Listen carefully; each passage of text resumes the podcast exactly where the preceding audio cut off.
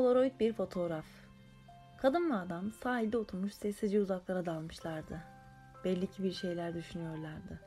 Yanlarından geçip gittim ama içimde tuhaf bir anlam ifade ettiler. Bana birini hatırlatıyor gibiydiler. Anımsayamadım. Öylece yürümeye devam ettim. Ben ileri doğru yolu aldıkça aklım ve kalbim geriye doğru gidiyordu. Tabi bu geriye gitmenin nedenini çok sonra anlayacaktım. Her şeyden bir haber yürümeye devam ettim. İç sesim diyor ki geri dön, geri dön, geri dön. İyi ama neden? Aklım ve kalbim engel olamadığım bir şekilde sahilde gördüğüm çifti düşünmekten kendini alıkoyamıyordu. Sonunda bu anlamsız çatışma tüm benliğimi ele geçirmiş olmalı ki kendimi hiç fark etmediğim bir şekilde çiftin arkasındaki bankta otururken buldum. Oraya nasıl geldiğimi, ne kadar süre onları izlediğimi bilmiyorum. Fakat bildiğim tek bir şey vardı. Bu çiftin beni acı içinde kıvrandırıyor olmasıydı. Neden? Kafamda belirsiz olan bir neden arama çabası içinde gözlemlerime devam ediyordum. Kadının farklı bir çekiciliği vardı. Kaktüs desenli, beyaz fırfırlı eteğiyle ilk dikkat çeken yuvarlak göğüsleriydi. Buğday tenli ise simsiyah ve kocaman gözleri süslüyordu. İnsanın içini ısıtan füsunkar bir bakışı vardı. O bakışlarının altında nice derin duygular, anılar, sevinçler ve hüzünler biriktirdiği çok net bir şekilde anlaşılıyordu. Kadına bakanın kendinde çok şey bulacağı aşikardı. Evet, kendinde bir şeyler bulabilirdi insan. Adama gelince, işte sıradan bir insandan başka bir izlenim vermiyordu bana. Kadının görünüşündeki yoğunluk adamın sıradanlığını görünmez kılıyordu ve ben azami bir gayretle onları izlemeye devam ediyordum. Ne düşünüyorlardı, neden susuyorlardı? Kendi kendime sorular sorup yine cevapları kendim veriyordum. Gelecek güzel günleri düşünüyorlardı bence. Hayır hayır, güzel günler böyle birbirleriyle hiç konuşulmadan düşünülmezdi. Bir olumsuzluk vardı bu derin sessizliğin ardında. Biri mi ölmüştü ya da biri mi hastaydı? Yahut evlerde boşanmaya mı karar vermişlerdi ya da evlenecekler aileler mi engel oluyordu? Kafamda türlü senaryolar kuruyordum fakat hiçbir kalıba oturtamıyordum.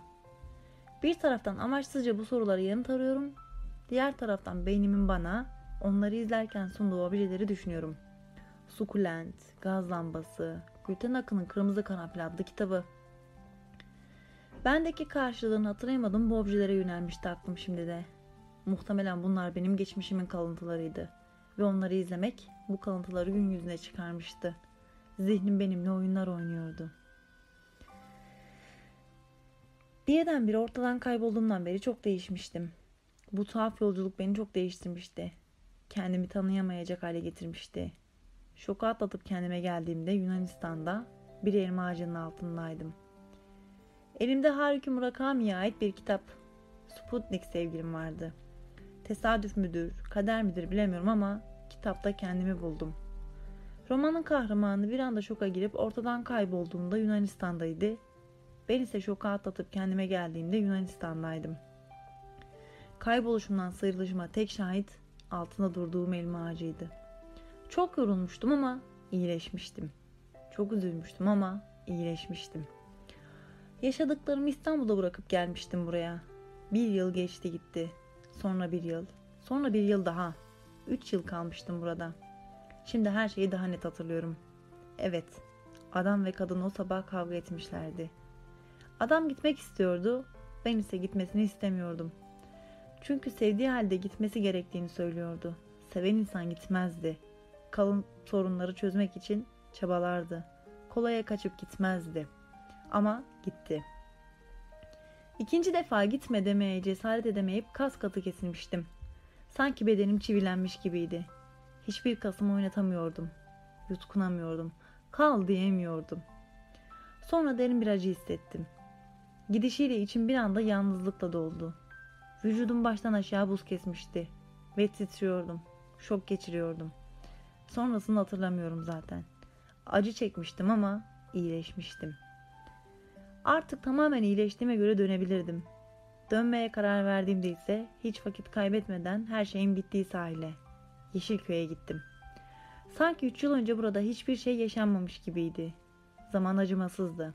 Her şey silinmişti ama acılar ekseriyetle yerini hala koruyordu.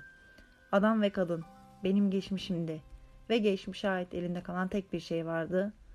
Polaroid bir fotoğraf.